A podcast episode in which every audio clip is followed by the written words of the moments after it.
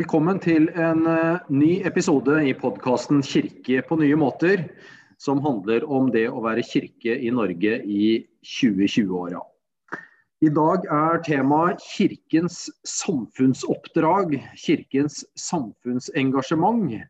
Og jeg er heldig og sitter her og prater med Berit Hagen Agøy, som er internasjonal direktør i Kirkerådet i Den norske kirke.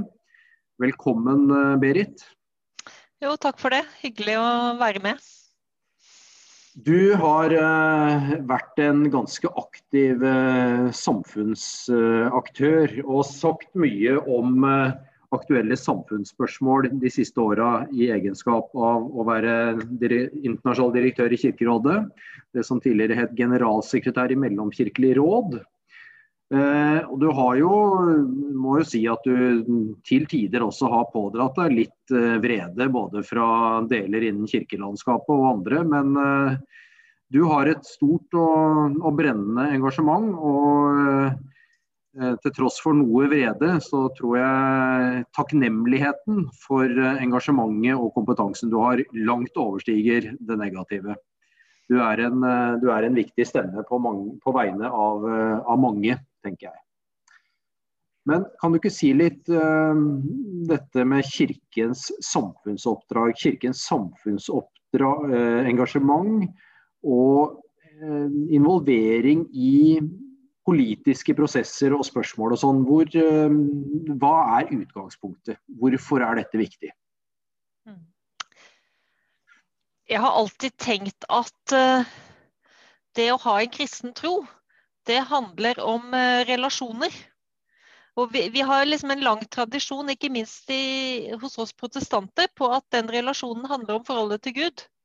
Men, men, jeg har også alltid tenkt at det må på en eller annen måte vise seg også i den relasjonen vi har til andre mennesker. At troen er ikke bare min, men troen er noe som får konsekvenser for det, for det livet jeg lever. Eh, og at det å være kristen handler om å bygge gode relasjoner. At selve kristendommen er liksom relasjonell. Eh, og det er noe vi skal, vi skal dele. Og at vi har Jeg har alltid hatt en sånn driv i meg til å forandre noe. Så kanskje jeg har en liten sånn misjonær i, i, magen fra, fra, tidlige tider. Altså et eller annet med at, at du skal forandre noe. Eh, og at samfunnet skal, eh, skal, forandres til det bedre. Så det er kanskje noe av den driven som, som ligger i meg. Og jeg tenker også på eh, mer og mer på alle de historiene om Jesu møte med mennesker. Mm. Som jo alle sammen handler om at de får livene sine forandra. Eh, og, og, det er liksom den der at vi skal, vi skal videre. Altså brutte relasjoner skal repareres mennesker som er liksom bokstavelig talt liksom bøydende, skal kunne reise seg. Altså rettferdigheten skal komme. Så ditt rike skal komme. Altså hele tiden at vi er i bevegelse. Mm. Og at, eh, at, kristen tro ikke, ikke, er noe statisk, men, men, det er en bevegelse mot å, å si, reparere og skape gode relasjoner. Jeg tror kanskje det er noe av det som er drivkraften. Mm. Mm. Og og Vi snakker jo om samfunnsoppdrag og involvering i politikk osv. Noen vil jo kanskje si at ehm, ja, eh, men det holder på en måte med barmhjertighet. Eh, at vi hjelper folk. Kanskje ved hjelp av diakonale institusjoner osv. Men her snakker vi på en måte om å gå ett skritt videre. og Ikke bare snakke om barmhjertighet, men også om rettferdighet det å etablere rettferdige strukturer, jobbe for lovendringer eh, og den type ting. Um, og Det er vel noe med at uh, jeg å si den uh, delen av kirkelandskapet som vi begge tilhører, har jo um, på mange måter blitt beskyldt for å, for å, involvere seg for mye i politikk til tider. Uh, har du hørt det noen gang, og hvordan tenker du om det? Jeg har hørt, hørt mye om det. Um, Forholdet mellom barmhjertighet og rettferdighet er jo noe vi har diskutert i århundrer. Mm. Eh, jeg tenker at i barmhjertighetstanken så ligger det ofte innebakt at det på en måte er forskjell på folk. Altså at det er noen som er i stand til å hjelpe andre. Mm. Um, og, og, det skaper på en måte en, en avhengighet. Um, og så tenker jeg at, at det som, som, er så sterkt for meg i forhold til kristentroen, det er jo at det bygger på et likeverd. Altså alle menneskers likeverdighet.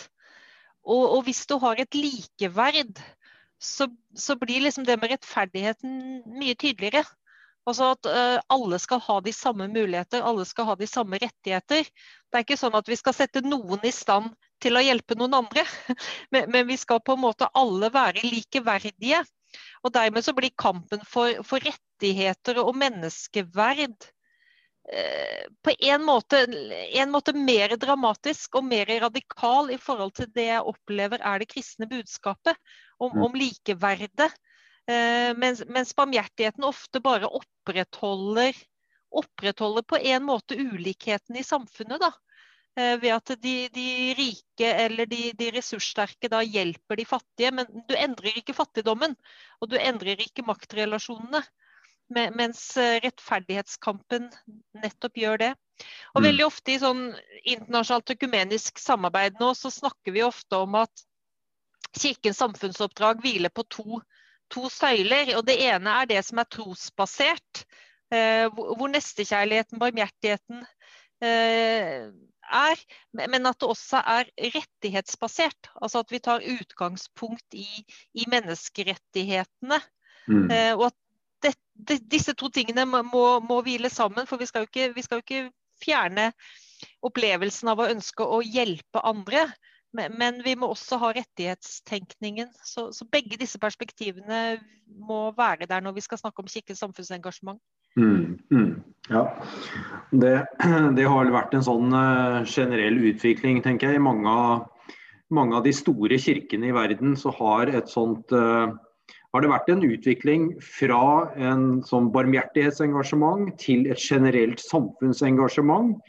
Uh, og så, kanskje særlig da i etterkrigstida, så har uh, samfunnsengasjementet mer og mer tydelig blitt et rettighetsengasjement. Og det har jo sammenheng med utviklingen av moderne menneskerettighetsinstitusjoner osv. Så, så det... Det, det, er en, eh, det er en stor utfordring for oss i kirka å klare å si, bruke språk fra begge disse, disse utgangspunktene. Altså, skal, kirkas uh, samfunnsengasjement skal, skal, ha et kirkelig språk. Så, vi skal på en måte ha, ha et jeg si, kristelig språk eller et åndelig språk. Hvor, hvor, vi tydeliggjør hvor vårt verdigrunnlag og hvor vår drivkraft kommer fra, samtidig som vi må mestre det politiske, sekulære rettighetsspråket. Mm. Eh, og Det tenker jeg er noe av den utfordringen vi har i, i samfunnsengasjementet vårt. Eh, og For å bare sette det litt på spissen, altså hvis vi skriver et brev til justisministeren om eh, noe som handler om flyktningpolitikk, skal det være bibelvers i det brevet? Mm, mm. Eh, og det, det, er litt sånn, Hva slags språk skal vi bruke for at det skal kommunisere? For vi er jo ikke en hvilken som helst eh, sivilsamfunnsorganisasjon. vi er en trosbasert organisasjon, så vi skal ikke skjule vår identitet. Og samtidig så kan vi ikke argumentere med bibelvers når vi skal endre, endre norsk eh, juss eller norsk eh, politikk. Mm. Så, å finne liksom språket der, det, det, tenker jeg er noe vi baler med hele tiden. Mm. Språket er én ting, og det andre er kanskje liksom nivået man legger seg på. Da. For det, nå er de inne på, eh, på politiske spørsmål osv. Når man skriver dette brevet da, til justisministeren, eh, så skal man kanskje unngå bibelvers, men skal man si noe om hvor mange flyktninger Norge bør ta imot, hvor de skal komme fra, eh, og i forhold til klimaspørsmålet f.eks., skal man si noe som kirke om eh, hvor uh, grensa for uh, oljeleting i nord skal gå, eller uh, skal man kommunisere på et annet nivå? Det er jo sånne ting man står overfor hele tida, er det ikke det? Mm. Da er det, da er det litt fristende å være litt useriøs, Knut, og si at de spørsmålene dine blir ofte stilt som en hersketeknikk for å gjøre kirken taus. Eh, og jeg sier jo ikke at du gjør det, men, men det er, man blir veldig ofte møtt med den type spørsmål mm. Eh, for å liksom vippe oss av pinnen. Eh, og for at konklusjonen da skal bli nei, det skal vi selvsagt ikke, og så trekker vi oss litt tilbake. Så det er litt sånn lure, lurespørsmål på en måte. Men nå skal jeg svare, så seriøst på det. Det er ikke Kirkens oppgave å utforme den konkrete politikken. Det har vi politikere til. Og jeg tenker vi, vi, må, vi må forstå politikk på to forskjellige måter.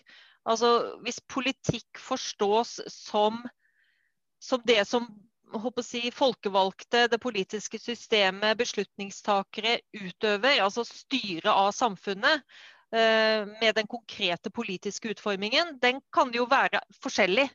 Eh, og der er det ikke nødvendigvis én løsning. Det, det, har vi politikere til. Eh, og vi kan stemme på, på de politikerne vi ønsker som, som samfunnsborgere. Mm. Men hvis vi snakker om, om, politikk i en større forståelse, altså at politikk handler om fordeling av plikter og goder i samfunnet, der har definitivt Kirken noe den skulle ha sagt. Mm. Eh, for vi, vi, har i, i vår eh, tro og i, i, de bibelske tekstene ganske mye om hvordan et godt samfunn skal være.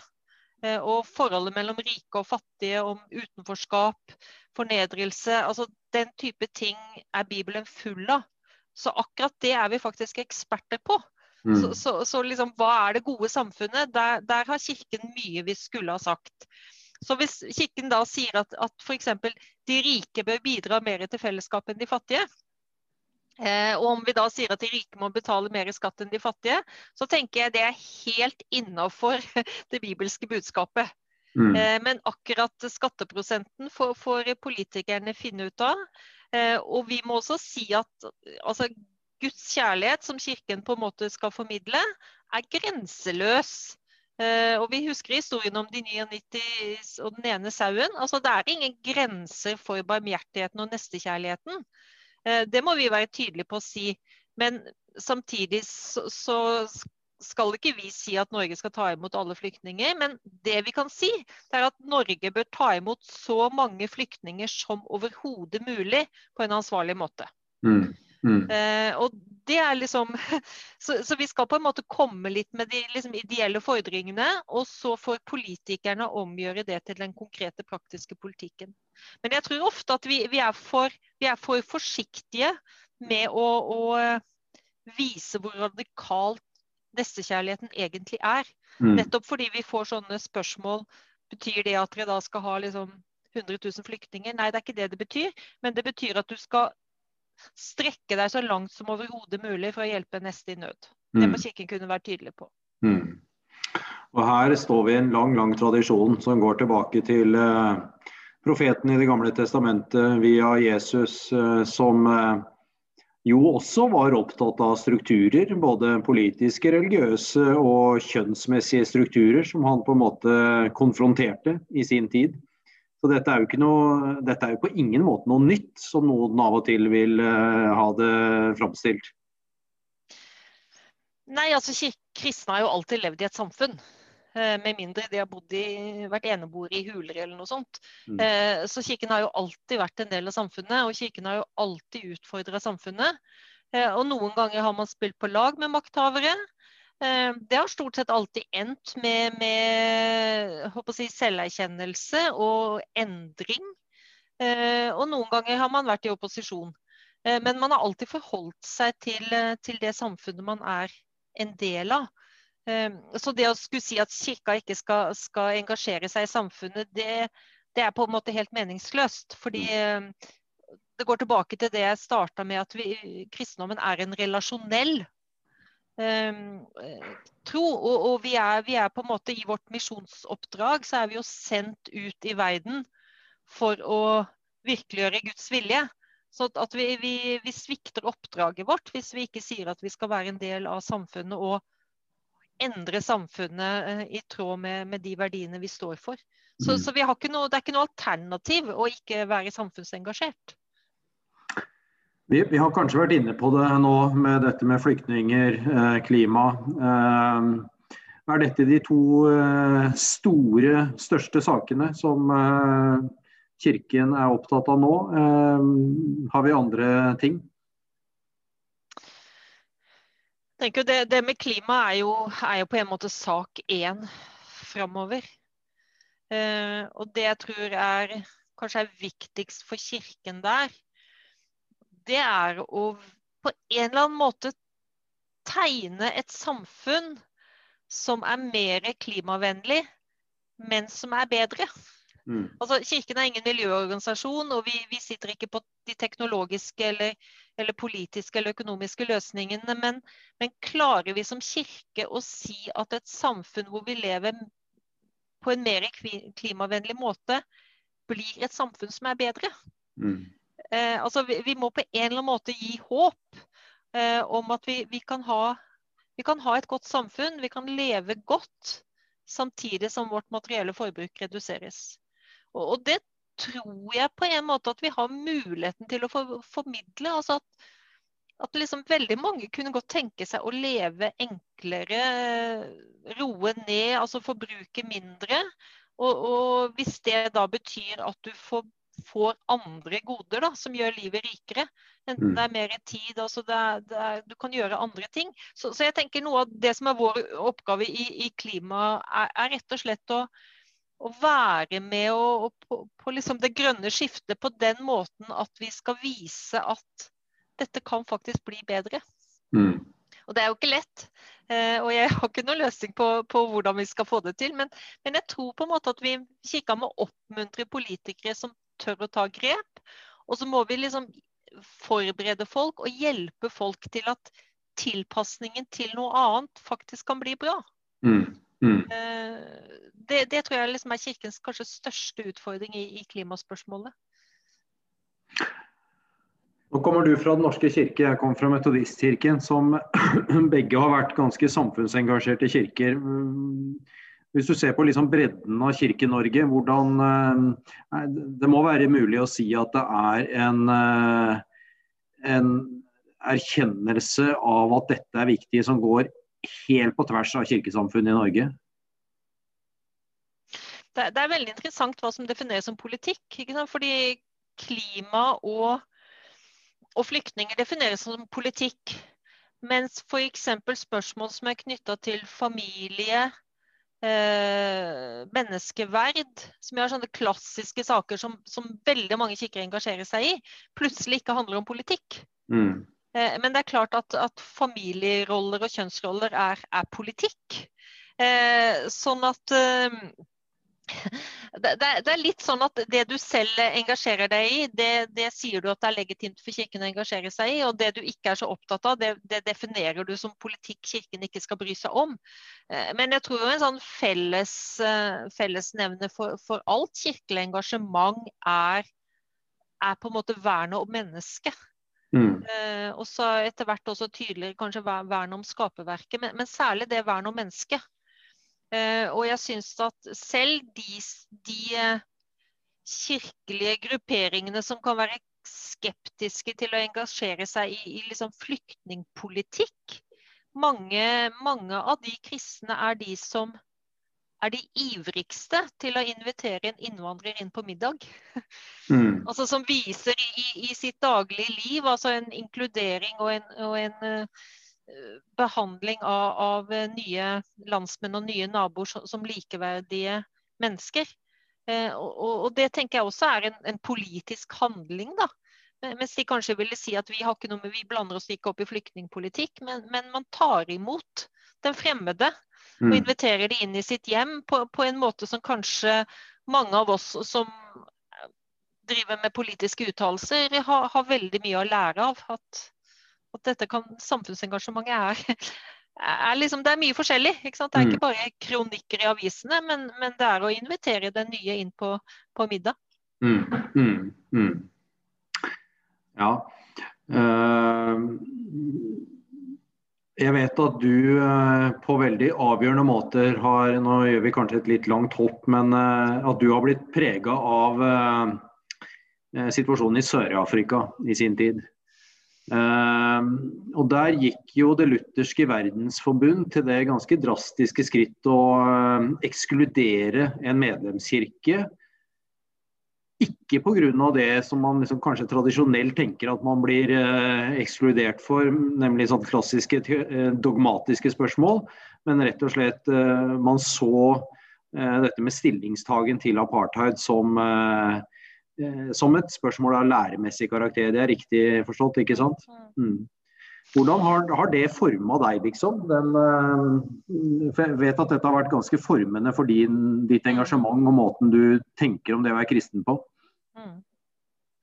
Det, det, er en, det, er en, interessant historie der, fordi de første kirkelige protestene mot apartheid de begynte jo som teologisk kritikk og dogmatikk. Eh, at dette, dette var faktisk altså Den hollandsk reformerte kirkes lære, som apartheid-ideologien bygde på, var feilaktig dogmatisk forståelse av, eh, av kristendommen. Mm. Eh, og noe av de, de, kirkene som ble ekskludert, det ble jo også i forhold til Kirkenes verdensråd, som, som ekskluderte noen medlemskirker, så handlet det jo bl.a. om at hvite og svarte ikke feiret nattvær sammen. Altså det at, at man nektet svarte å, å delta i nattværen. Um, som jo på en måte spisser akkurat det der med, med det kristne likeverdet. da. Mm. Uh, og så gikk det, gikk det, relativt lang tid før det kom en politisk kritikk av apartheid, uh, apartheidsystemet. Så, mm. så, det startet på en måte med teologien, og så endte det i en mer politisk uh, kritikk. Uh, men når det gjelder um, gjelder kirkene i Sør-Afrika, så er det også veldig interessant å se forskjellen mellom kirkene. da. Fordi eh, Den katolske kirke, metodistkirken, en del andre kirker var jo mye tydeligere i sin politiske kritikk av apartheidregimet enn det den lutherske kirke var. Eh, og Den lutherske kirken var veldig forsiktig veldig lenge. Og det satt faktisk ganske langt inne å kritisere, kritisere myndighetene.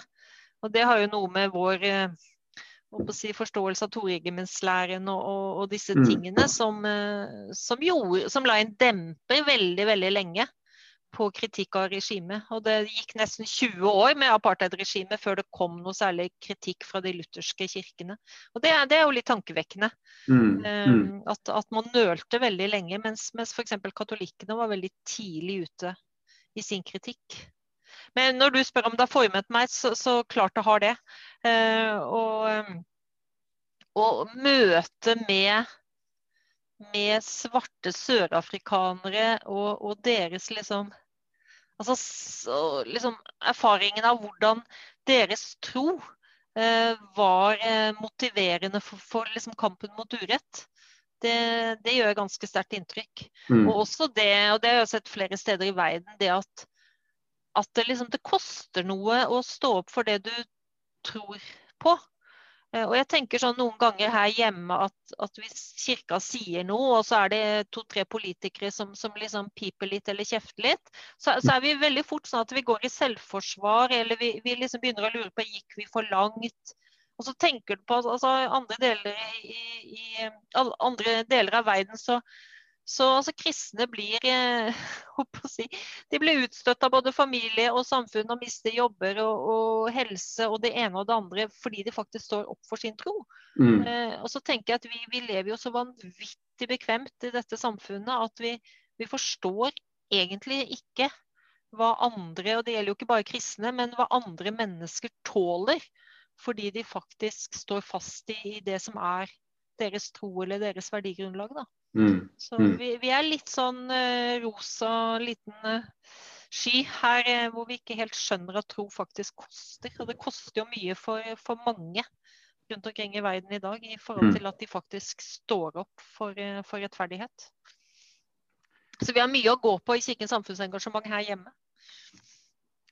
Og så har vi vel her hjemme også tross alt vært ganske, uansett om vi er Den norske kirke eller et annet kirkesamfunn, så har vi vært ganske knytta til staten også da, på mange måter. Og, vi, og, kanskje litt også at vi eh, som kirker har vært ganske aktive i å støtte opp om utvikling av velferdsstat og alt mulig sånt. At vi i stor grad spiller ganske på lag med myndighetene, eller vi har en historie for å ha gjort det.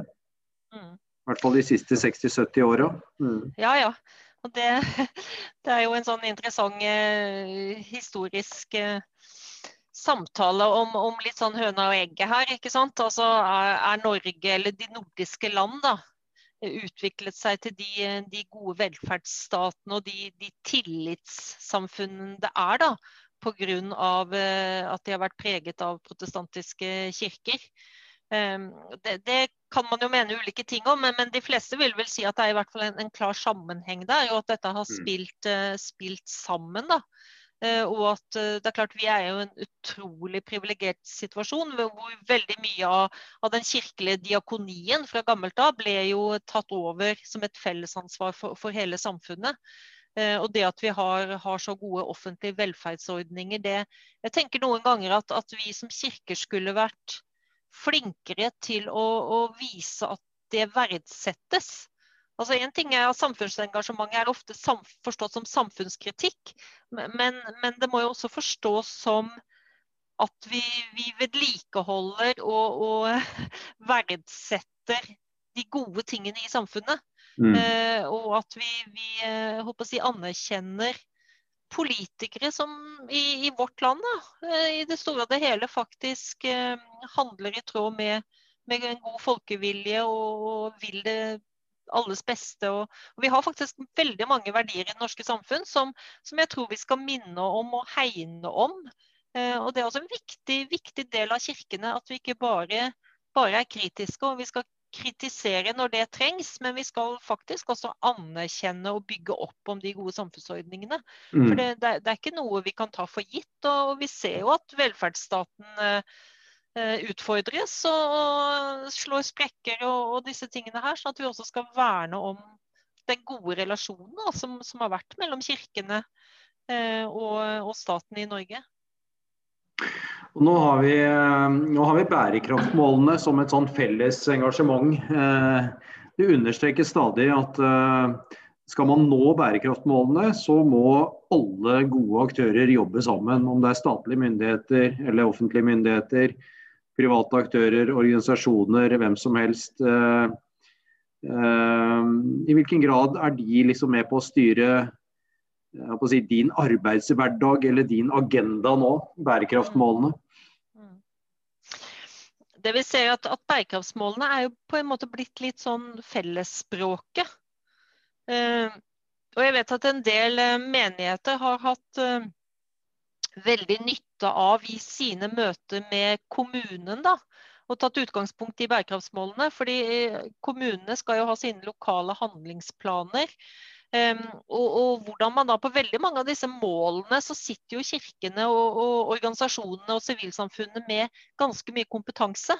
Mm. Um, og det å synliggjøre den kompetansen men, det, er, det, er, ikke noe som, som nødvendigvis eh, kommunepolitikere eller, eller, offentlige etater liksom kommer på. At her sitter vi med kompetanse. Så jeg tror vi må liksom selge inn den kompetansen litt. Mm. Eh, og, og, vise at på, på, mange av disse målene så, så, har vi lang kirkelig tradisjon. Og vi har, vi har nettverk, vi har eh, håper å si ildsjeler, vi har mange frivillige som kan bidra inn i dette i, i lokalsamfunnet. Da. Eh, også på nasjonalt nivå så har vi jo altså Kirkene har jo vært pionerer i, i veldig mye av det som omtales i, i bærekraftsmålene. Mm. Eh, og når vi snakket der tidligere om dette her med, med kirkens eh, samfunnsengasjement, så, så, er det jo interessant å tenke over at når vi sendte ut misjonærer, så, så hadde jo de misjonærene også en agenda om å endre folks sosiale og økonomiske liv. Mm. Og så kan vi si mye om kulturimperialisme og alt det der, men, men, det var også en genuint ønske om å skape bedre materielle levekår. Ja. Eh, og bygge skole, bygge sykehus. altså Dette, dette drev jo kristne med. og håper å si Vi har holdt på med det fra urkirken òg. Men, mm. men liksom den der tunge diakonale arven der er jo på mange måter altså Bærekraftsmålene hviler også på, på, den måten å tenke på. Da. Og mm. her har jo Kirken masse, masse, kompetanse og mye å bidra med. Mm. Mm. Jeg har vært litt opptatt av i våre sammenhenger at uh, uh, ofte så, så, leiter vi på en måte etter altså, måter å uttrykke dette engasjementet på. Og Sånn sett så tenker jeg at uh, bærekraftsmålene er liksom gave til oss, som sier noe om ja, vi deler dette med mange andre, men det er faktisk også en måte å si noe om hvordan man lever ut en kristen tro på i hverdagen. Eh, og at det, kan, eh, at det faktisk har vært en hjelp til å, eh, å si at liksom, kirkens budskap er relevant på så utrolig mange områder. Eh, og ikke minst også dette at det liksom en sånn viktig greie med at det, det legger til rette for samarbeid på tvers av alle gode krefter, noe som er helt nødvendig på så mange områder hvis vi skal komme noen vei. da. Mm. Jeg er veldig enig med deg i det. Også veldig enig med deg at det, det er et godt sånn språk for samarbeid. Og så tror jeg noen ganger at kanskje da særlig Den norske kirke. fordi at vi, vi, Noen ganger så, så, er vi liksom litt for bevisste på det at vi ikke skal være en, en sånn type majoritet som oppleves som, som, arrogant. At vi underkjenner de ressursene vi faktisk sitter på. Eh, og jeg syns i noen sånne samfunnsdebatter nå så hvor man, man løfter fram at tros- og livssynssamfunn er viktige aktører i samfunnsutviklingen, så er de det. Men, men så, samtidig så Noen ganger så må vi kanskje si at liksom si 80-90% av de som er organisert av tros-, og livssynssamfunn, faktisk tilhører kristne kirker. Mm, mm. Eh, og hva betyr det, liksom? Eh, og, og, ja, så Noen ganger så tenker jeg at vi, vi, blir liksom litt for beskjedne også, på vegne av at her sitter faktisk kirkene Eh, og det gjelder alle kirkene med, med veldig lange diakonale tradisjoner. Uh, og at, at, vi må være litt mer frimodige til å si at vi, vi, har litt mer erfaring i dette her i en del andre, enn en del andre tros- og livssynssamfunn i Norge har. Og så mm. betyr ikke det at, at vi ikke skal, skal være si, ydmyke og, og, løfte fram de andres kompetanse, men, men, noen ganger så tror jeg at vi liksom kanskje blir litt for beskjedne da, på egne vegne, og at vi kunne vært litt litt stoltere da, kanskje, av den mm. store diakonale innsatsen som, som kristne kirker og ikke minst kristne diakonale organisasjoner gjør. Mm. Mm. Um, mm. Hvis du skal eh, si noe om uh, dette med Kirkens samfunnsoppdrag og samfunnsengasjement, hva, hva blir uh, noe av de viktigste utfordringene framover nå? Altså, hva, hva, ser du for deg at uh, kommer til å liksom oppta mye av agendaen for kirkene uh, knytta til dette med samfunnsengasjement framover. I Norge og for så vidt internasjonalt. Jeg tror eh, altså fellesskap er et sånt viktig stikkord for meg. Mm. Eh, vi er jo vant her i Norge med å være et ganske homogent samfunn. Eh, og det er vi ikke lenger. Og Det kan være at vi har underkommunisert forskjellene som har vært der før òg, men vi har i hvert fall hatt en sånn forestilling om at, at vi er veldig homogene og at vi deler, deler verdiene og sånn. Og det, det, gjør vi jo i veldig stor grad sammenlignet med mange andre samfunn. Men, men, det er en økende polarisering også i det norske samfunn, og det er en eh, økende en økende gruppe mennesker som, som står i fare for å falle utenfor fellesskapet. Mm. Um, og Det ser vi globalt, men det ser vi faktisk også i Norge. Altså Med en økende gruppe relativt uh, fattige. Vi har uh, lengeværende flyktninger og asylsøkere som, som, på en måte lever litt sånn på kanten av samfunnet. Uh, vi har jo i Norges kristne råd jobbet mye med med si, svart arbeid, slav, slaverilignende tilstander. Altså, vi, vi, begynner å få, få grupper som, som uh, lever på randen av samfunnet. Da. Mm. Uh, og også mange altså, brutte relasjoner av ulike, ulike årsaker. altså Ensomhet som, som en sånn stor si, folkelig utfordring. Så, så det der, hvordan vi som kirke kan, kan bidra til å lage gode fellesskap. Og da tenker jeg ikke nødvendigvis bare på at vi skal liksom lage gode sånne kirkelige fellesskap. altså sånn Kom til oss, her er det godt å være fellesskap. Men, men mm. at, eh, hvordan vi kan bidra til at Norge ikke blir et veldig sånn polarisert forskjellssamfunn. da. Men, men at solidariteten eh, med de som, som står i fare for å falle utafor, at, liksom, at vi blir veldig fokusert på den. Eh, og Da er det jo viktig å spørre seg hvem er kirkens, hvem er liksom kirkens målgrupper her. Eh, og jeg tenker noen ganger i Den norske kirke at vi er veldig kanskje, vi er veldig opptatt av at vi har en veldig stor bredde i medlemsmassen vår med 3,7 millioner. Og vi skal gjerne ha liksom alle vanlige folk med i kirka. Men så mm. tenker jeg noen ganger at kanskje, kanskje blir vi mer opptatt av å ha med alle vanlige folk enn at vi retter blikket vårt mot de som faktisk da faller utafor dette, og som lever i randsonen. Mm. Uh, og tilbake til fortellingen om Jesus. Altså Jesus er jo alltid liksom i randsonen. Um, og, og, hvordan vi som kirke da kan, kan fokusere på, på, det. Og så kommer kanskje de andre tingene mer av seg sjøl. Mm. Så fe fellesskapet er ikke nødvendigvis liksom et fellesskap mellom liksom alle de som har det greit.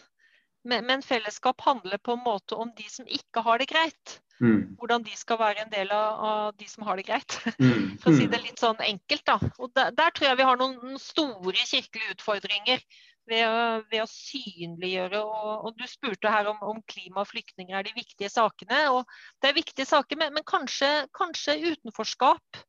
Eh, ensomhet. Eh, opplevelsen av å ikke tilhøre liksom, majoriteten. Eh, at det også er en av de store utfordringene vi har i Norge så, så vel som i andre samfunn. Mm. Mm. Ja. Det har vel heller ikke blitt mindre synlig gjennom de siste åtte månedene? Nei, tvert imot. Det, det blir veldig, veldig synlig. Mm. mm.